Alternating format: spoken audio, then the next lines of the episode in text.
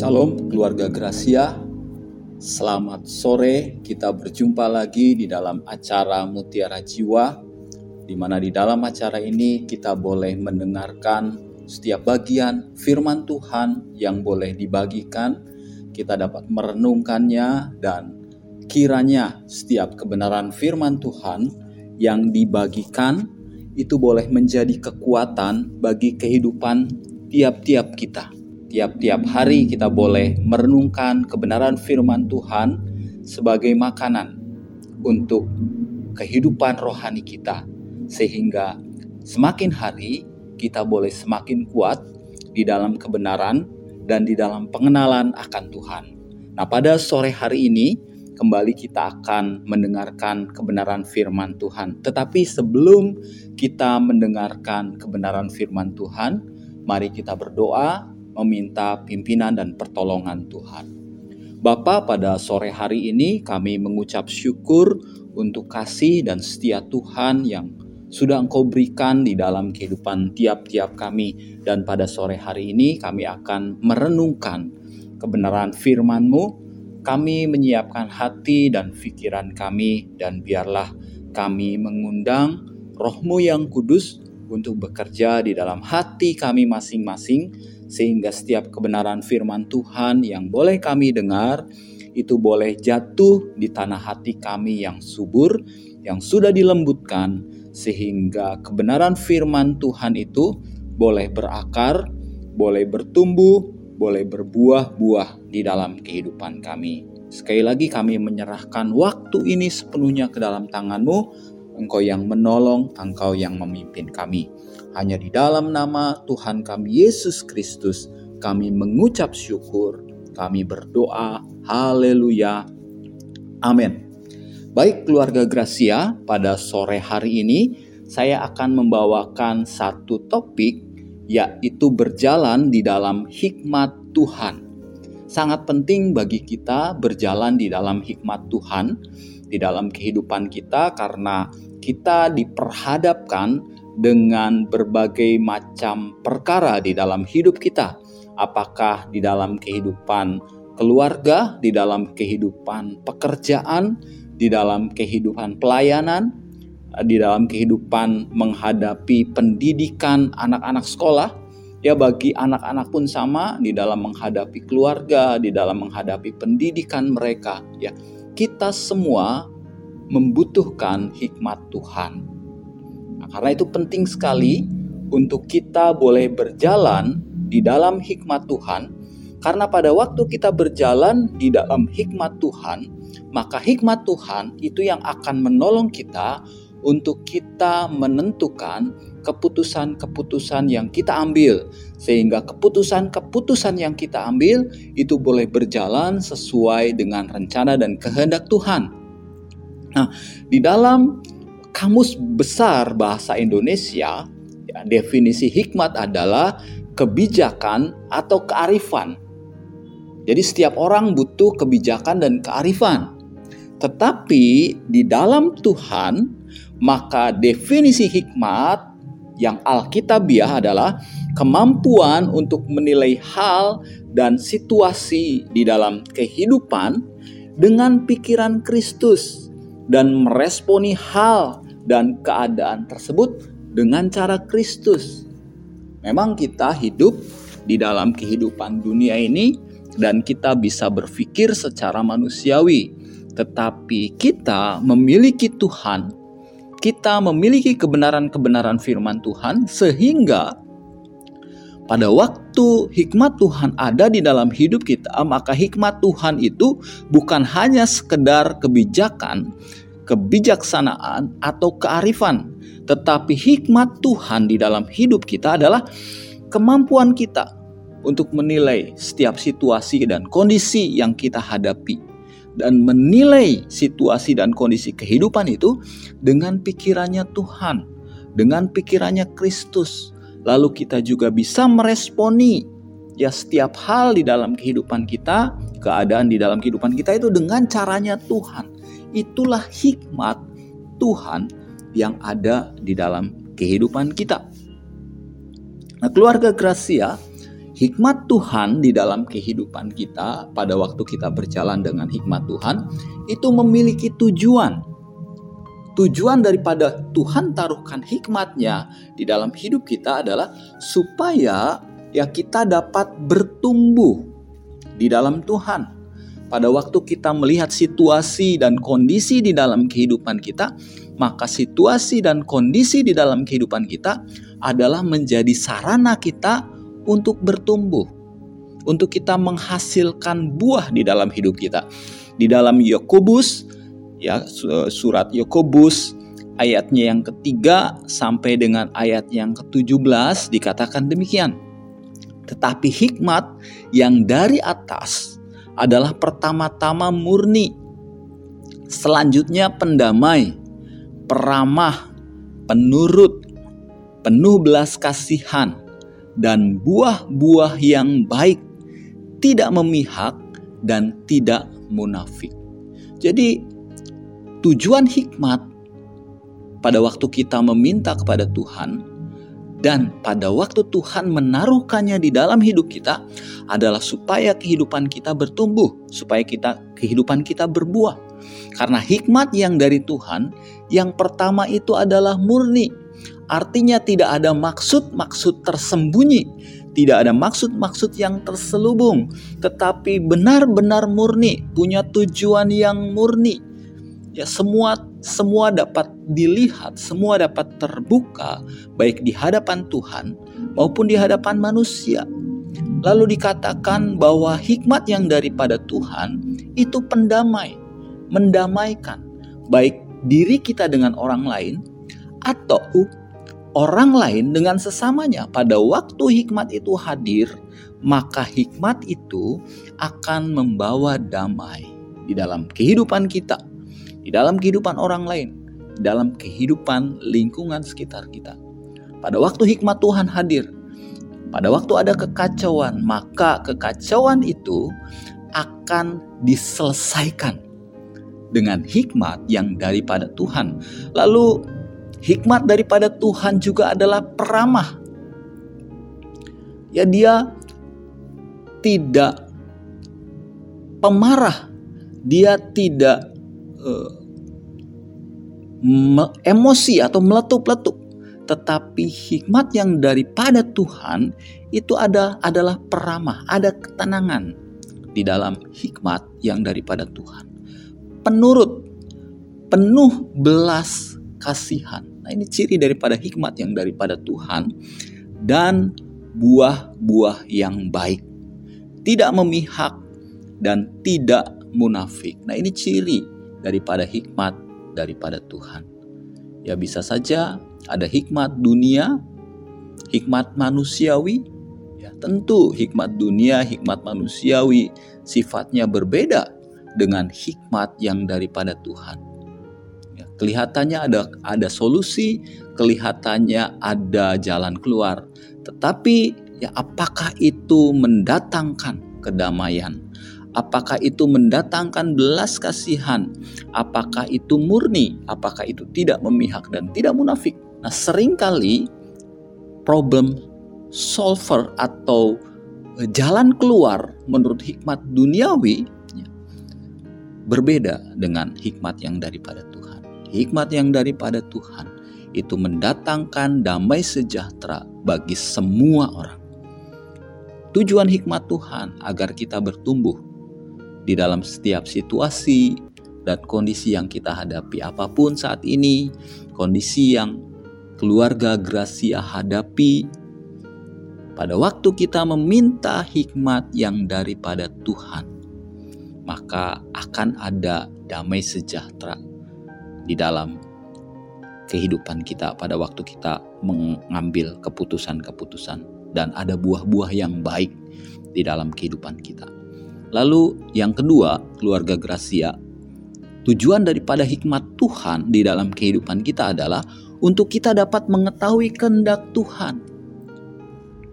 Di dalam kolose pasalnya yang ke-1 ayat yang ke-9 dikatakan sebab sebab itu sejak waktu kami mendengarnya kami tiada berhenti-henti berdoa untuk kamu kami meminta supaya kamu menerima segala hikmat dan pengertian yang benar untuk mengetahui kehendak Tuhan yang sempurna di dalam kehidupan kita, di dalam setiap aspek kehidupan kita, di dalam setiap keputusan-keputusan yang kita ambil.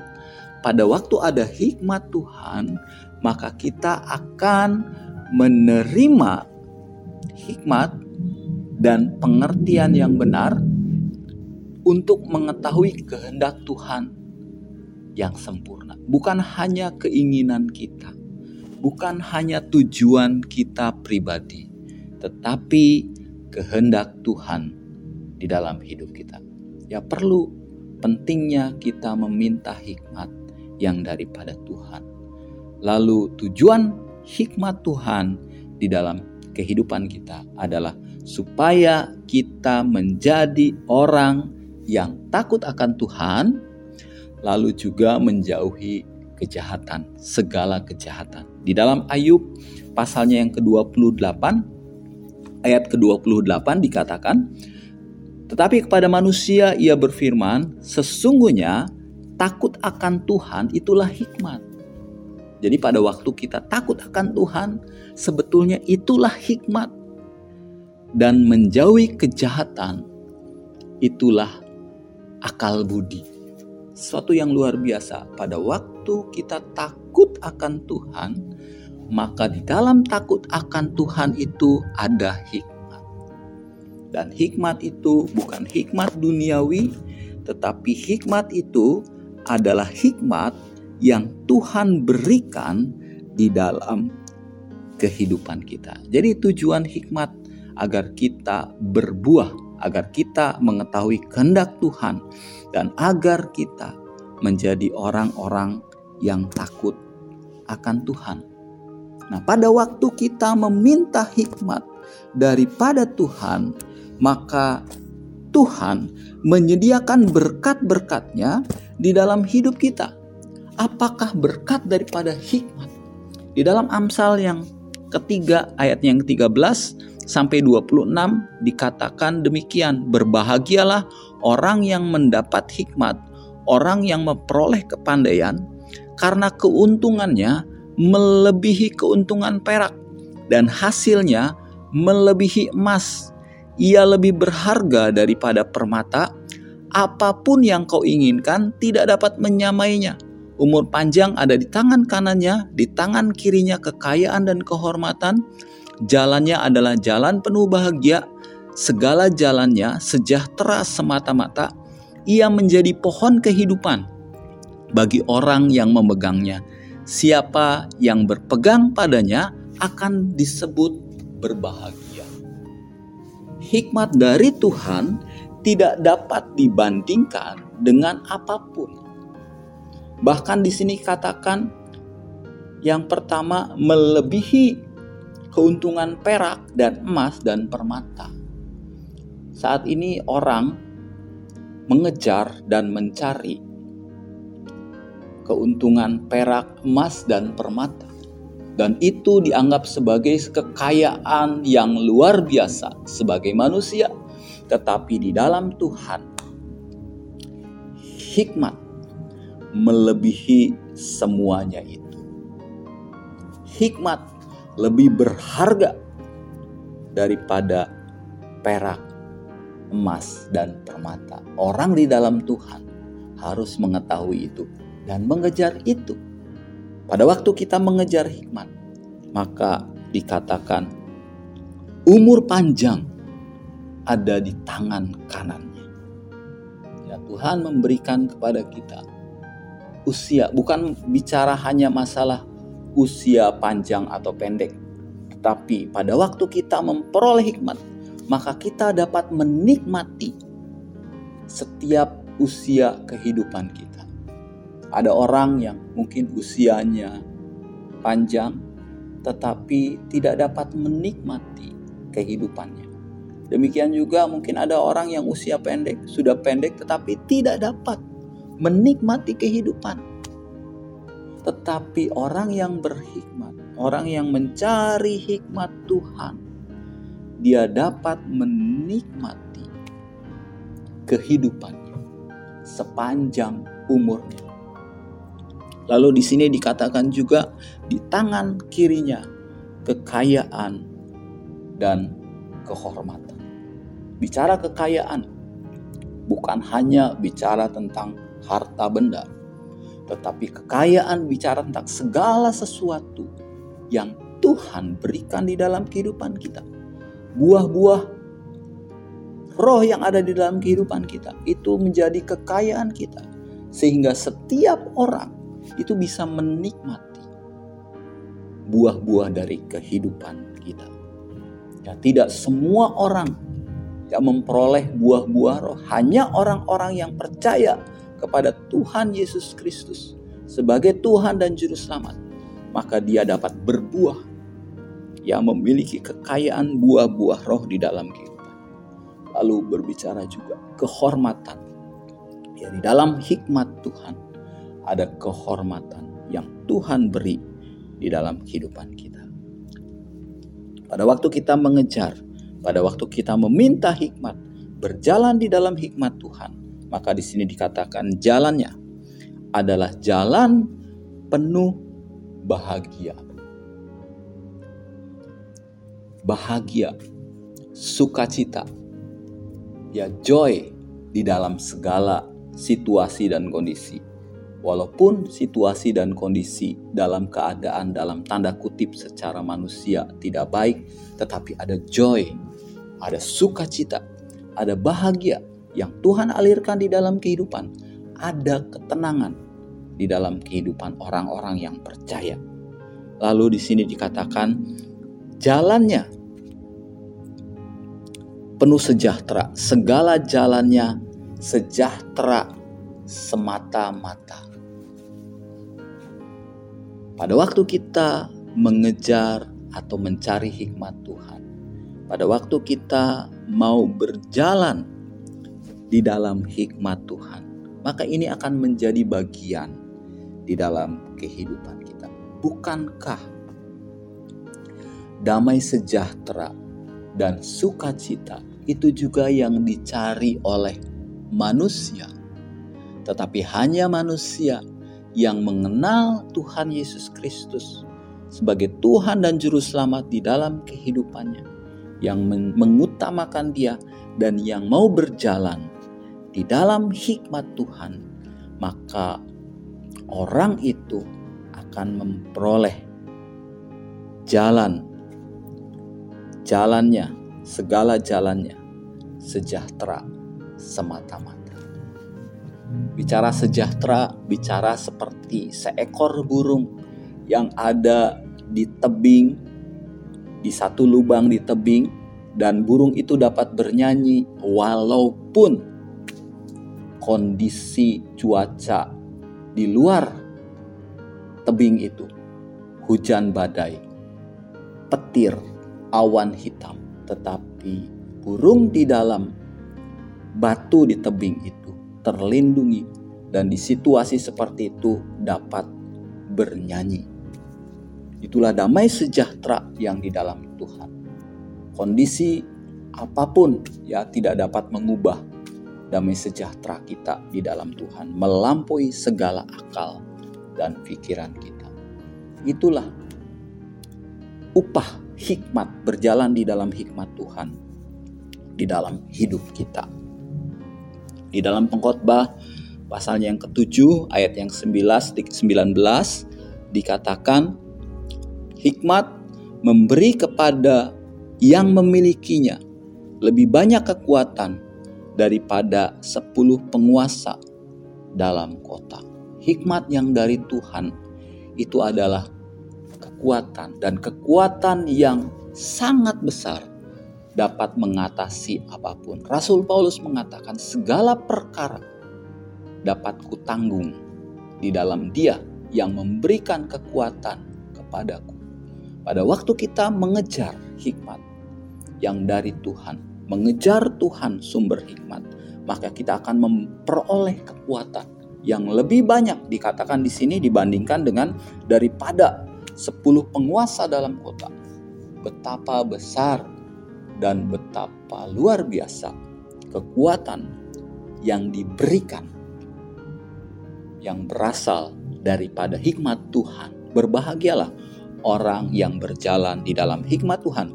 Lalu di dalam pengkhotbah pasalnya yang ke-10 ayat yang ke-10 dikatakan, jika besi menjadi tumpul dan tidak diasah, maka orang harus memperbesar tenaga. Tetapi yang terpenting untuk berhasil adalah hikmat. Orang yang berjalan di dalam hikmat Tuhan diberikan jalan keluar, diberikan cara oleh Tuhan untuk menghadapi, untuk menjalani kehidupan. Bahkan kehidupan yang dijalani mungkin ada waktu yang berat, tetapi karena hikmat Tuhan, maka jalan itu dapat dilalui dengan kekuatan, dengan hikmat yang daripada Tuhan.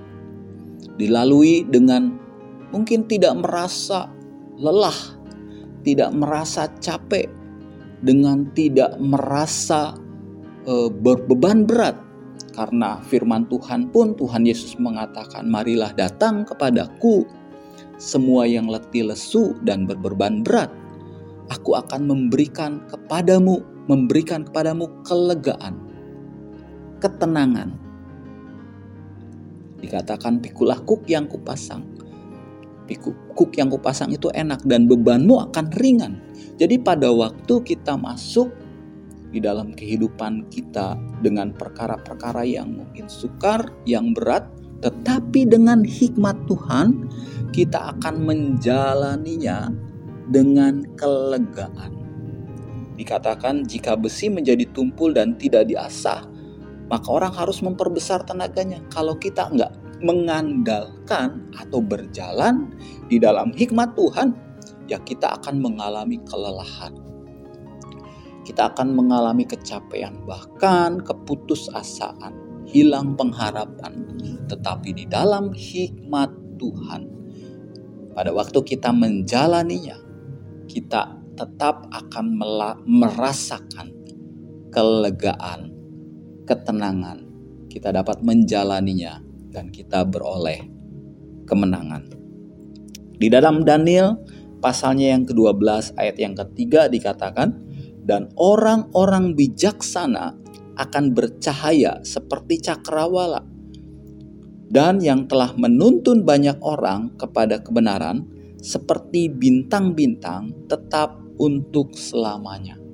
Itulah kalau orang yang berjalan di dalam hikmat Tuhan digambarkan akan bercahaya seperti cakrawala ya cahaya pada waktu malam, cahaya bulan itu bisa dilihat. Kita bisa lihat cahaya bintang, kita bisa lihat. Ya, cahaya matahari kita bisa rasakan. Seperti itulah orang yang berjalan di dalam hikmat Tuhan. Dikatakan yang telah menuntun banyak orang kepada kebenaran. Orang yang berjalan di dalam hikmat Tuhan tidak hanya hidup untuk dirinya sendiri, tetapi hikmat yang Tuhan berikan di dalam kehidupannya dapat menolong banyak orang. Tadi pagi saya berbicara kepada anak saya yang laki-laki kebetulan sedang libur semester. Dia ambil jurusan psikologi. Saya bilang, saat ini ada banyak orang-orang yang mengalami depresi di dalam kehidupannya. Mungkin orang itu famous, ya orang itu terkenal. Mungkin orang itu dalam hal kekayaan tidak berkekurangan. Tetapi orang tersebut mengalami depresi dan jalan kehidupannya bukan jalan kehidupan yang penuh kebahagiaan dan sukacita. Di dalam jalan kehidupannya penuh dengan pergumulan. Dengan apa? Dengan depresinya. Saya katakan, kamu harus bisa menolong orang-orang yang demikian. Pada waktu kita takut akan Tuhan, pada waktu kita beroleh hikmat yang daripada Tuhan, maka kita akan menuntun banyak orang kepada kebenaran seperti bintang-bintang. Alangkah bahagia kalau kita dapat menolong orang-orang yang tidak berpengharapan, yang menemukan pengharapan di dalam kehidupan mereka. Amsal pasal 8 ayat yang 11 dikatakan, karena hikmat lebih berharga daripada permata. Apa pun yang diinginkan orang tidak dapat menyamainya. Jadi keluarga Gracia betapa berharga hikmat Tuhan di dalam kehidupan kita. Dan satu-satunya sumber hikmat adalah Tuhan. Amsal 1 ayat 7 dikatakan, takut akan Tuhan adalah permulaan pengetahuan. Tetapi orang bodoh menghina hikmat dan didikan. Di dalam takut akan Tuhan, kita akan memperoleh hikmat dan kita dapat berjalan di dalam hikmat Tuhan. Mari keluarga Gracia kita mulai berkomitmen untuk mengejar hikmat Tuhan. Sehingga seperti yang dikatakan tadi, ya dengan hikmat Tuhan kita dapat menolong diri kita sendiri di dalam mengambil keputusan-keputusan sesuai dengan kehendak Tuhan. Tetapi yang kedua, kita dapat menuntun orang-orang kepada kebenaran. Amin. Baik keluarga Gracia, sebelum kita mengakhiri Mutiara Jiwa pada sore hari ini, mari kita bersama-sama bersatu hati berdoa mengucap syukur kepada Tuhan.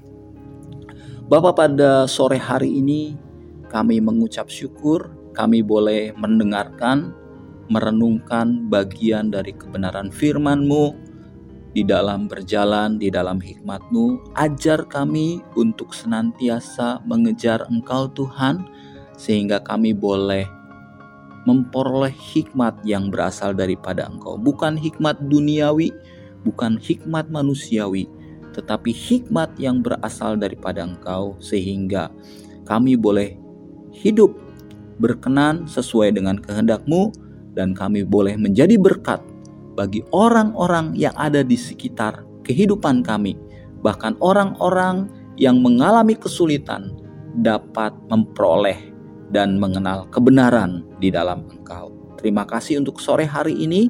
Segala kemuliaan bagimu hanya di dalam nama Tuhan kami Yesus Kristus. Kami mengucap syukur, kami berdoa. Haleluya. Amin.